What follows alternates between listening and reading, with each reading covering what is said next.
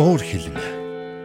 Уур хилэн химэх энэ зүйл яг л асар хүчтэй хүчил мэд. Бидний аз жаргал, баяр хөөр, эрүүл мэндийг дотроос мань эдэж устгаж байдаг. Тэгвэл хамтдаа нэвтрүүлгийн өнөөдрийн дугаараар бид уур хилэнд давтснаасаа болоод амьдралаа сүрүүлсэн хүмүүсийн жишээ болгож хуучин гэрээний нэгэн хүний амьдралыг үзэх болно. Доктор Чарлз Стенли бидэнд 1-р Самуэль 18 дугаар бүлэгт гарч буй түүхээр дамжуулан энэхүү уур хилэнгийн хүчил бидний амьдралд хэрхэн сөргөөр нөлөөлдөг болохыг тайлбарлан уур хилэнгээ ялан дийлэх Библийн дагуух арга замуудыг зааж өгөх болно. Ингээд хамтдаа доктор Стенли ярианд анхаарлаа хандуулцгаая.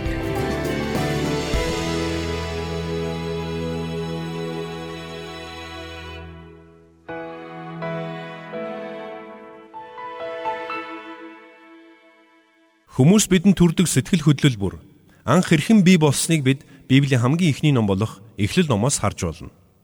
Эхлэл номоос бид санаа зовнил, ганцаардлаас эхлээд бусад бүх сэтгэл хөдлөлүүдийг харж болно. Тэгвэл Эхлэлийн 4-р бүлгээс хамгийн анхны гэр бүлд уур хилэнгээс болж томоохон асуудал үүснийг харж байна. Бурхан Абелийн тахлыг хүлээн аваад Каины тахлыг хүлээж аваагүй учраас Каин төрсөндөө Абельда ихэд уурлан хилгэнсэн байдаг. Каин бурхны өмнө дуулуургүй байж бурхны тогтоож өгсөн тахил өргөх зааврыг дагаагүй учраас бурхан түүний өргөсөн тахилыг хүлээж авахаас татгалцсан байдаг. Гэтэл Каин дүү Абельда уурлаж хилгэнсэн. Улмаар Каины уур хилэн хяналтаа алдаж улмаар тэр төрсөн дүүгээ хөнөөсөн юм. Уур хилэн гэдэг угтаа бол дэлхийн нийтийг хамарсан асуудал юм. Уурлаж үзээгүй, уурлаж үзээгүй, уураа илэрхийлэн гаргаж үзээгүй хүн гэж огт үгүй. Хэрвээ та Библийг судлаад үзэх юм бол уур хилэнтэй холбоотой маш олон ишлүүд бичигдсэн байгааг харж болно. Библиэд уур хилэн гэсэн үг 276 удаа давтагдан гарсан байдаг. Хэрвээ бухимдал, хилэгнэл гих мэд төстэй утга бүхий үгсийг оролцуулбал Библиэд нийтдээ 500 гаруй удаа дурдгдсан байдаг юм.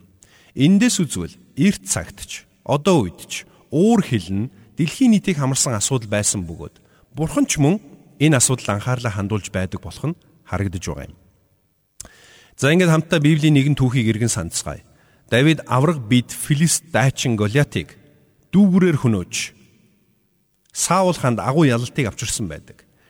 Харин Саул хааныг их зэрэгэ дагуулan эргэж ирэх үед Израилийн эмэгтэйчүүд тэднийг угтахдаа Саул мянгыг ялсан бол Давид түмийг ялваа хэмээн дуудаж байсан юм.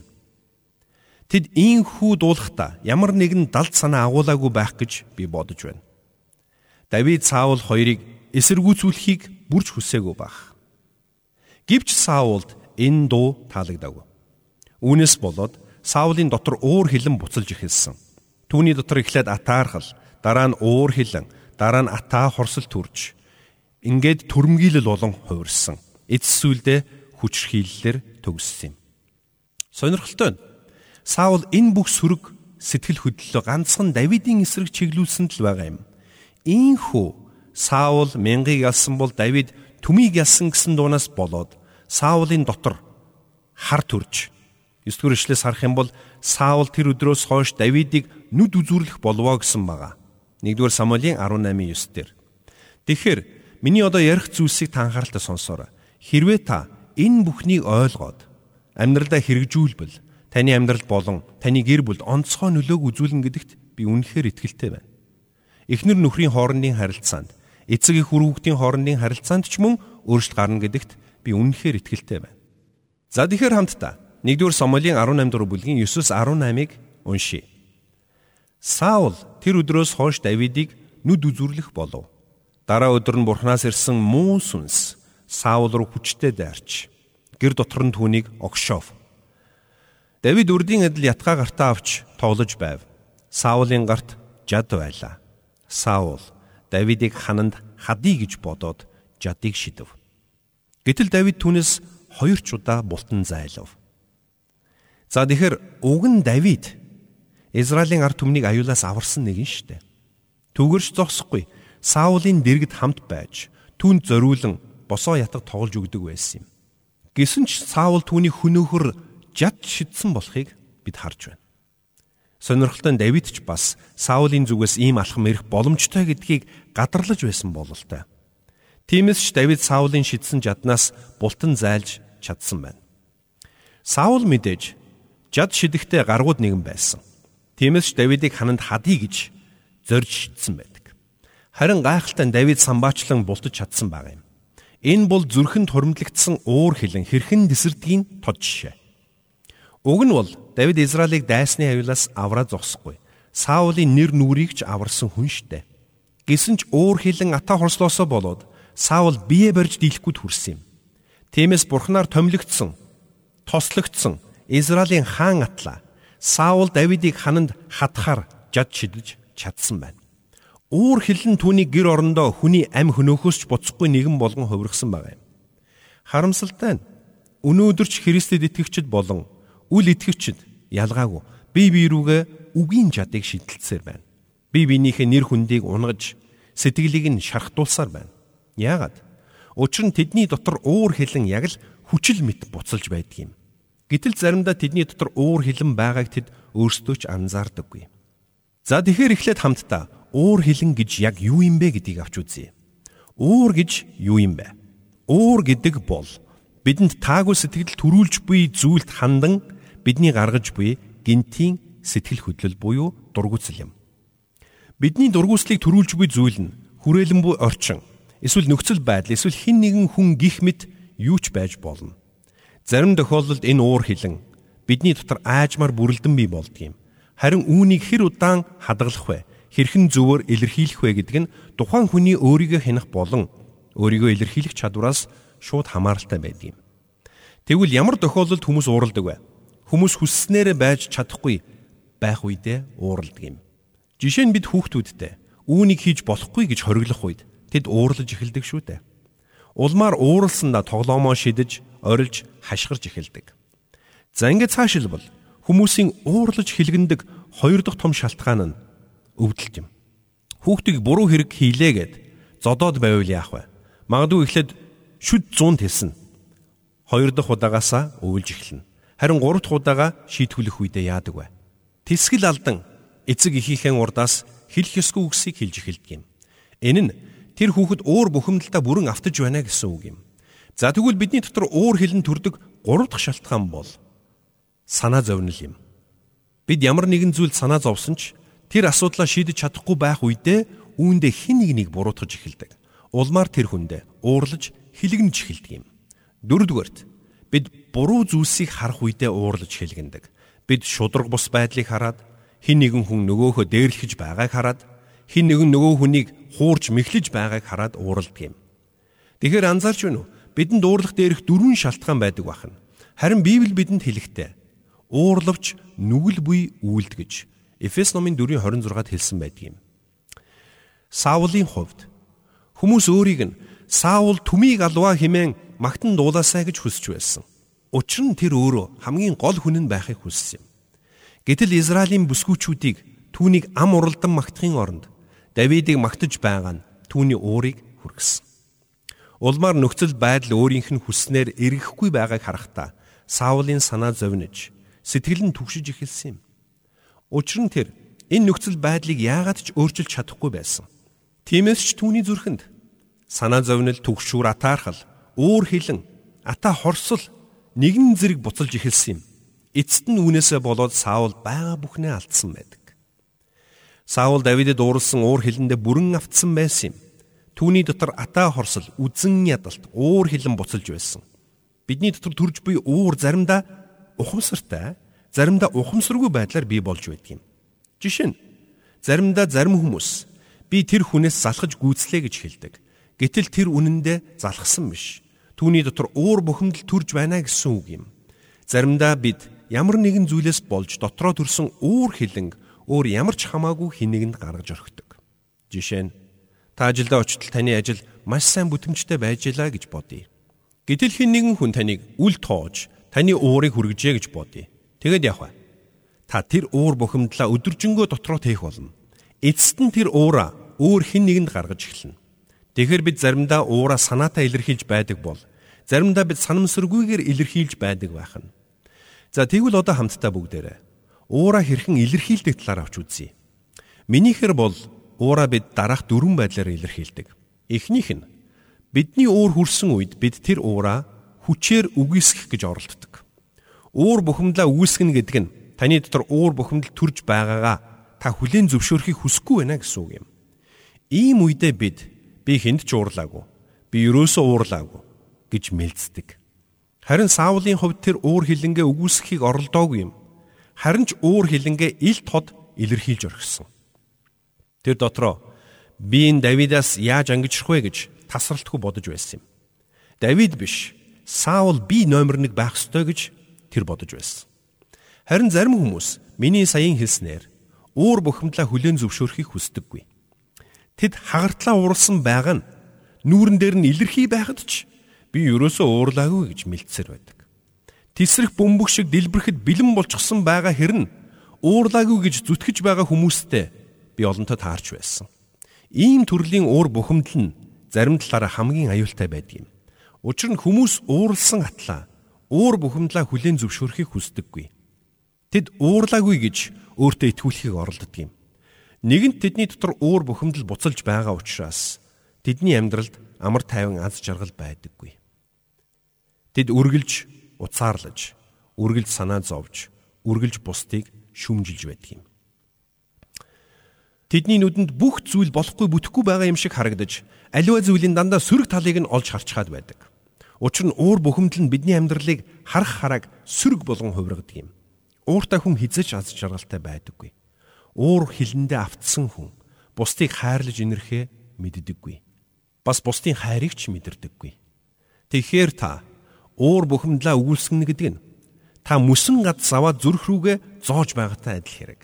Дотроо байгаа уур хилэнгээ та үгүйсгэж болох ч энэ нь таныг дотроос ч хөнөөсөр байх болно. За хоёр дахь төрлийн илэрцэн та уураа хүчээр дарах гэж оролдож болно. Энэ нь таны уур хүрсэн гэдгийг та мэдэж байгаа ч үүнийгээ дотроо хадгалах гэж оролцсон гэсэн үг юм. Нэг бол та уур бухимдлаа үгүйсгэж болно. Өөрөөр хэлбэл ууралсан гэдгээ хүлээн зөвшөөрөхгүй байж болно Эсвэл ууралсан гэдгээ хүлээн зөвшөөрч үүнийгээ дотроо хадгалах гэж хичээж болно. Гэсэн ч удаан дарсан уур бухимдал нэг л өдөр галт уул мэт дэлбэрдэг юм. 3 дугаарт та уур бухимдлаа ямар нэгэн байдлаар илэрхийлэн гаргаж болно. Ихэнх хүмүүс ууралсан даруйда ямар нэгэн хатуу үг, хатуу ширүүн үйлдэлээр дамжуулан уураа гаргадаг. Ингэх нь уур бухимдлаа дотроо хадгалахгүй байх давуу талтай боловч гэхдээ хамгийн зөв шийдэл байж мөн чаддаггүй. Дөрөвдүгээрт та уур бухимдлаа хүлээн зөвшөөрч болно. Энэ тухай бид удахгүй дэлгэрэнгүй ярилцах болно. Харин түүнээс өмнө хамтдаа уур хилэн хүмүүсийн бие махбодод хэрхэн сөргөөр нөлөөлдөг болохыг товчхон авч үзье. Хагартлаа уурсан үедээ бидний цусны даралт ихсэж, хүүхэн хараа том урч, адреналин ялгарч эхэлдэг. Улмаар булчин шүрмэс чангарч ихэнх тохиолдолд оюун санаа илүү хурцлагддаг. Хит их ууралсан үед гиз дотор хямарч хоол боловсруулах үйл ажиллагаа доголддог. Тийм учраас та ууралсан үедээ хоол идэх хэрэггүй юм. Энэ бүхнээс үзвэл таныг ууралсан үед бие махбод чинь бүхэлдээ цочролд орж тулаан тэмцэлд өөрийгөө бэлтгэж эхэлдэг. Тийм учраас заримдаа хүн ууралсан үедээ өмнө хийж амжуулж чадаагүй байсан зүйлсээ амжуулах нь би. Жишээ нь Самсоныг аваад үзье. Ирүүний ясаар мянган филистчүүдийг хөнөөх үедээ Самсон хагартлаа ууралсан байдаг гэдэгт би итгэлтэй байна. Сонирхолтой нь зарим тохиолдолд уур бухимлаас болоод бид ямар ч ирч хүчгүй болдг юм. Ийм тохиолдолд орсон хүмүүс миний дотор юу болоод байгааг би ойлгохгүй байна. Би амьдралаас өөдөж байна, залхаж байна гэж хэлдэг. Гэвч угтаа бол тэд өөдсөн биш. Уур бухимдал агуулгдсан л оршиж байгаа юм. Цаашилбал өөр хилэнгээс болоод хүмүүсийн хоорондын харилцаа хөндөрдөг. Тэм учраас Есүс Матай номын 18:15-д хэлэхдээ ах дүүч нь нүгэл үйлдвэл явж түүнтэй ганцаарчлан уулзаж зэмэл. Хэрв тэр чамайг сонсвол чи ах дүүгээ олж авсан хэрэг. Химэн сургасан байдаг. Өөрөөр хэлбэл асуудлыг газар авахаас өмнө шийдэх хэрэгтэй гэсэн үг юм. Зарим тохиолдолд цаад хүн нь ууралсан байж болно. Учир нь уур хилэн хоорондын харилцааг хөндийрүүлдэг. Тийм учраас зарим тохиолдолд эхнэр нөхрийн харилцаа хөндийрсэн ч шалтгааныг нь тэд мэддэггүй. Гэтэл хэн нэг нь дотроо уур бухимдалтай яваад байснаас болоод тэдний харилцаа хөндийрэх шалтгаан болсон байдаг. За мөн уур бухимдлын өөр нэгэн сөрөг нөлөө нь сэтгэл гутрал юм. Саул хаанд яг л ийм зүйл тохиолдсон юм. Хүмүүс Давидыг магтан ам уралдан ярьцгааж байсан. Саулын уур бухимдлыг төрүүлсэн юм. Улмаар Саул сэтгэл гутралд автсан байна. Нэгдүгээр Самуэль номын үлдсэн бүлгээс харах юм бол Саул энэ сэтгэл гутралтайгаа тэмцэх гэж янз бүрээр оролдож байгааг харж болно. Түүний уур хилэн хяналтаа алдсан учраас тэр нүдэнд харагдсан бүхнээ хөнөөхийг хүсэж байсан юм. Түүнийг ийм байдалд ороход сэтгэл гутралнч бас хүчтэй нөлөө үзүүлсэн байдаг. За тэгэхээр уур бухимдлын бас нэгэн сөрөг нөлөө нь шүүмжлэл юм. Ууранд автсан хүн үргэлж бусдыг шүүмжилж байдаг. Цаг ямагт бусдыг шүүмжилж, бусдаас өө хайж байдаг нэгний дотор маш их уур бухимдал агуулгадж байдаг юм. Тэд заримдаа бусад хүмүүст уурлаж байдаг бол заримдаа өөрөө өөртөө уурлаж байдаг юм. Заримдаа бид бүтлгүүтэж алдаа гаргах үедээ өөрөө өөртөө уурладаг. Гэсэн ч бид өөртөө уурлаж байгаагаа өөрөө ч мэдлгүй яваад байх тохиолдол бий. Харин ийм төрлийн уур хилэн хамгийн аюултай нь байдаг юм. Заримдаа бид өөртөө төдийгүй бурханд хүртэл уурладаг. Энэ уураасаа болоод бид бүх зүйлийг сөрөг өнцгөөс харж эхэлдэг. За мөн уур хилэнгийн өөр нэгэн үр дагавар бол бусдыг шоолж гоочлох явдал юм. Заримдаа хүмүүс хин нэгнийг хатуугаар дооглож тохуурхчаад араас нь би зүгээр л тоглож байсан юм а гэж хэлдэг. Үгүй ээ, тийм биш. Тэд уураа гаргаж байгаа нь энэ юм. Энэ нь тэд уураа гаргахдаа баг зэргийн хошигнол дүлгийдүүд шидэж байгаа хэрэг юм. Эцэст нь хэлэхэд хов жив мөн уур бухимдлын илэрхийлэл юм. Бид хэн нэгэнд уурлаж бухимдсан үедээ тэр хүнийхээ талаар таагүй зүйлсийг бусдад ярьж эхэлдэг. За тэгэхээр миний дээр дурдсан энэ бүхэн уураа илэрхийлэх хэлбэрүүд юм. Угтаа бол уураа үгүйсгэх эсвэл дотроо дарснаас илэрхийлэх нь дээр. Гэсэн ч саяны миний дурдсан илэрхийллүүд нь биднийг уур хилэнгээс мань бүрэн чөлөөлж чаддаггүй. Жишээ нь хов живийг аваад үзье. Та нэгэн найзтайгаа утсаар холбогдож хин нэгэн хүнийг хідэн хэсэг болтол нь муулж ярьж болно. Тэгэд хэсэгтээ дотор чинь онгоно. Гэвч хэсэг хугацааны дараа нөгөө бухимдал чинь дахин сэргэж эхлэх болно. Эндээс би нэг л зүйлийг хэлхийг хүссэн юм. Та уура буруу арга замаар илэрхийлэх гэж оролдох үедээ хэсэг хугацаанд болов тайвширлыг мэдэрдэг. Гэвч хэсэг хугацааны дараа мөнөх уур бухимдал чинь дахин ихсэж сэргэж эхэлдэг юм. Энэ тохиолдолд та өмнө хийж байснаасаа илүү ихийг хийж байж тайвшрах хэрэгтэй болдог. Магадгүй та дотроо надад уурлах хангалттай бодиттой шалтгаан байгаа гэж би бодож байна гэж хэлж болох юм. Гэтэл асуудал үүнд оршиж байгаа юм бишээ. Харин жинхэнэ асуудал нь юунд оршиж байгааг би танд хэлж өгье. Хэрвээ та уур бухимдлаа зөвөр шидэхгүй бол энэ нь таны амьдралыг сүрүүлэх болно. Тэгвэл одоо би танд уур бухимдлын асуудлаа хэрхэн зөвөр шийдэж болохыг хэлж өгье. Христэд итгэгчид бид уур бухимдлын асуудлаа хэрхэн шийддэг вэ? Нэгдүгürt. Та үүнийг хүлээн зөвшөөр. Ингэхдээ энэ нь гурван талт шийдвэр байх болно гэдгийг та ойлгох хэрэгтэй. Юуны түрүүнд та Бурхны өмнө хүлээн зөвшөөр. Бурхан минь Би ууртай байна. Би уурлаж байгаа гэдгээ мэдэж байна. Миний дотор уур хилэн атаа хорсол үзэн ядалт буцалж байна хэмээн бурхны өмнө хүлээн зөвшөөр. Мөн та үнийг өөрөө өөртөө хүлээн зөвшөөр. Бурхны өмнө шудраг байх, өөртөөгөө шудраг байх гэдэг хоёр ялгаатай гэдгийг санаарай. Өөрөөр хэлбэл Бурхны өмнө нэг зүйл хэлээд өөр өөртөө тэс өөр зүйл хэлж байж болох юм. Тиймээс та уурлаж хилгэнсэн гэдгээ өөрөө өөрийнхөө өмнө мөн хүлээн зөвшөөрөх нь чухал юм.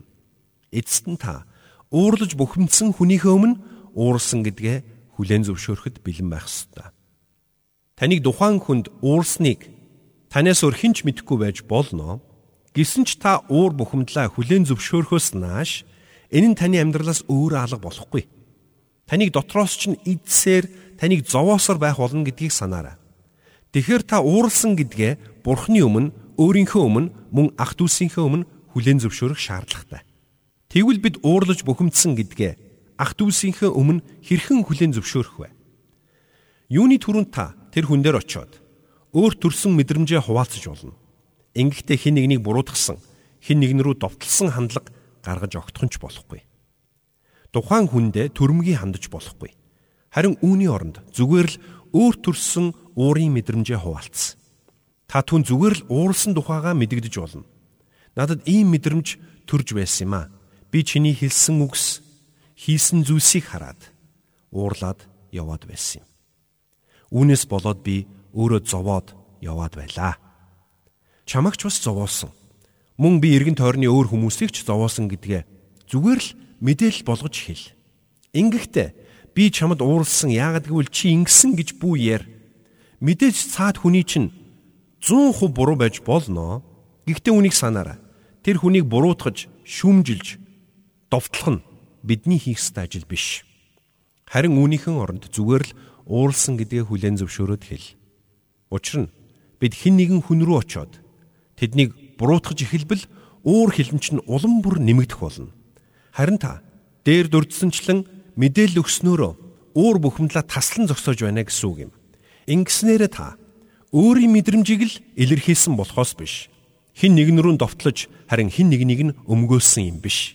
Хин нэгнээс тайлбар шаардаагүй гэдгийг ойлгох хэрэгтэй. Зүгээр л тэр хүнтэйгээ хувьчилж уулзаад мэдрэмжээ хуваалц. Тэгээд бүү довтол, бүү буруутга зүгээр л мэдээлэл өг. Тэгээд эерэг бай. Юу ч сөрөг байдлаар бүү хүлэн ав. Эерэг байх нь хамгийн чухал юм шүү. Би чамд ууралсан ууралсаасаа болоод хэлэх ёсгүй зүйлсийг хэлсэн хэмээн хүлэн зөвшөөр. Ийхүү мэдрэмжээ хуваалцсан хэлэхдээ тухайн хүнээсээ ямар ч хариу бүхөс. Учир нь ингэснээр та өөрийгөө зөвтгөх гэж байгаа хэрэг биш. Харин дотроо хадгалагдж байгаа уурыг гаргаж хайж байгаа хэрэг юм. Уур хилэнгээсээ ангижрах цорын ганц зам бол энэ юм. Эцэст нь эерэг хандлагатай байж уучлалгүй. Бурхны уучлал өршөөлд талрах. Өөрөө өөрийгөө уучлал. Бусдыг мөн уучлал. Тэгээд Бурхан намайг уучлсан. Би мөн өөрөө өөрийгөө уучлсан. Мөн бусад хүнч намайг уучлсан гэдэгт итгэж урам зоригтойгоор цаашаалах. Эцэст нь би нэг зүйлийг хэлье.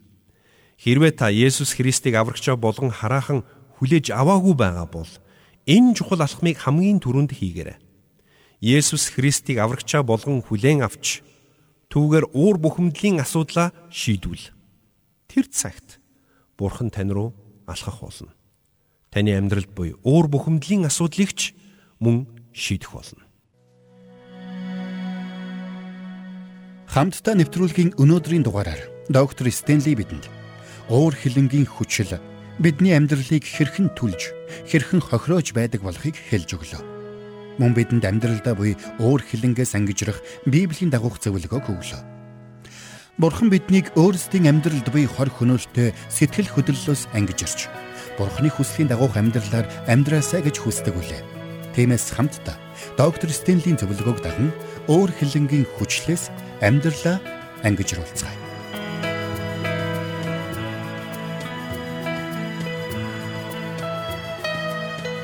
Бурханд тэмүүлсэн сэтгэл хүмүүсийг энэрх зөрхөөр амьдрахад туслах номлогч доктор Чарлз Стенлигийн хамттай нэвтрүүлэг сонсогч танд хүрэлээ. Нэвтрүүлгийг дахин сонсохыг хүсвэл ихтгэл радиоцик.com-оор зочлоорой. Бидэнтэй холбогдохыг хүсвэл 8085 99 тэгтэг дугаард хандаарай.